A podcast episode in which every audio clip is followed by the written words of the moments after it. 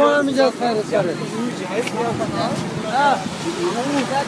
Ist kein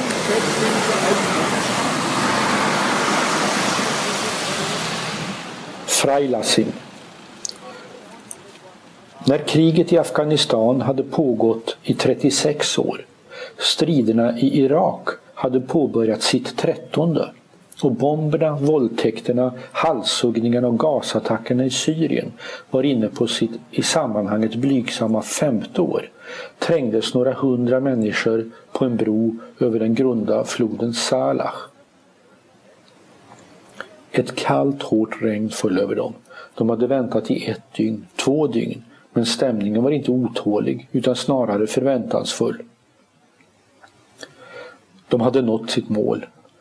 Bakom dem var Österrike och bakom Österrike den småskurna och fientliga staten Ungern och bakom Ungern Balkan, det farliga Medelhavet, Turkiet och bortom Turkiet dessa trötta men lättade människors av blod nersölade hemtrakter.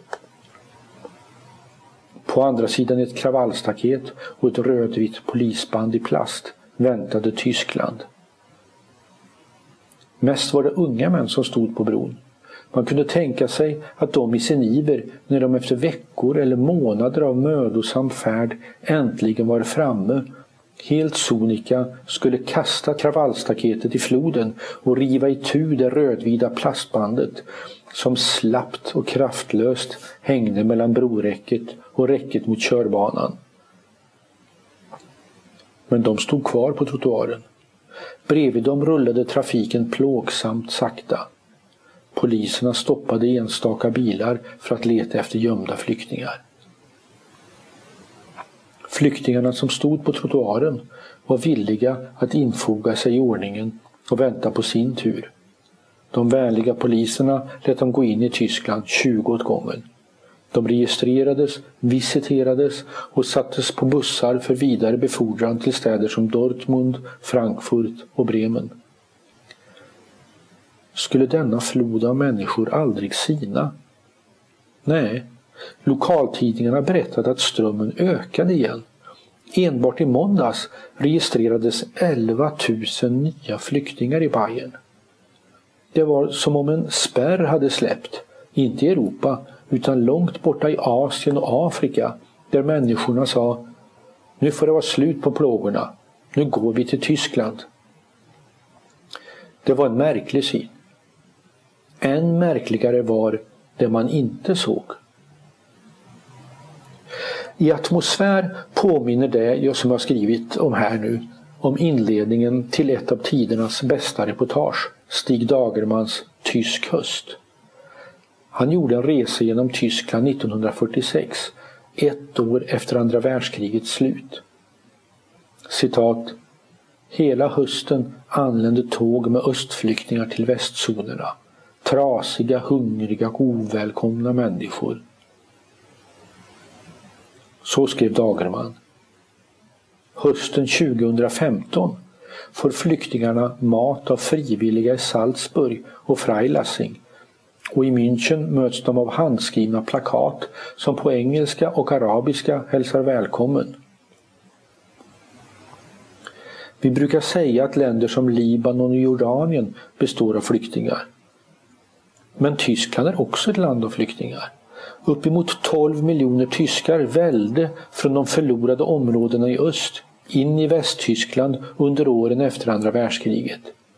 En tysk var inte detsamma som en tysk, trots det gemensamma språket.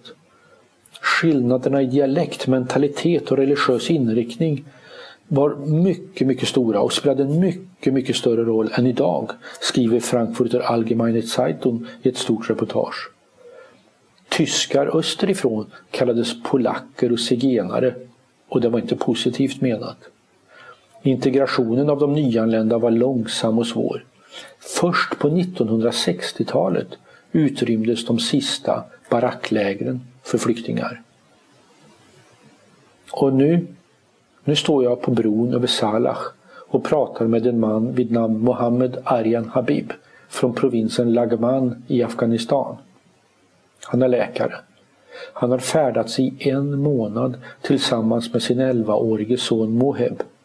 De har väntat ett och ett halvt dygn på bron. Polisen är mycket bra, säger Mohammed. Tänk om all polis vore så här. Nu ska jag se vad Tyskland vill ha av mig. Stig Dagerman skrev 1946 om flyende och fördrivna människor som lämnade ruiner och hunger och nöd och som anlände till ruiner och hunger och nöd. Men idag är Tyskland ett globalt ekonomiskt föredöme och Bayern en av världens rikaste platser.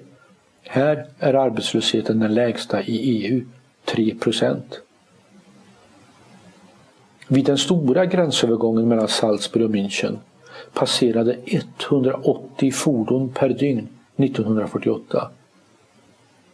Förra året passerade 102 000 fordon per dygn. Sådan har den ekonomiska utvecklingen varit. Det säger också något om vår rörlighet och vårt förhållande till omvärlden. Det fjärran är inte längre främmande. När Mohammed Arjan Habib och hans son kom till Salzburg fick de mat av frivilliga. Man har öppnat det gamla tullhuset för flyktingarna så de har skydd någonstans. Myndigheterna sätter upp bajamajor. Och till skydd mot regnet har flyktingarna fått ponchos av österrikiska Public Service, ORF. Vivir stod det på regnkläderna.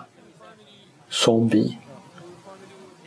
Så hälsades människor från länder långt, långt borta i det kalla regnet på en bro mellan Österrike och Bayern.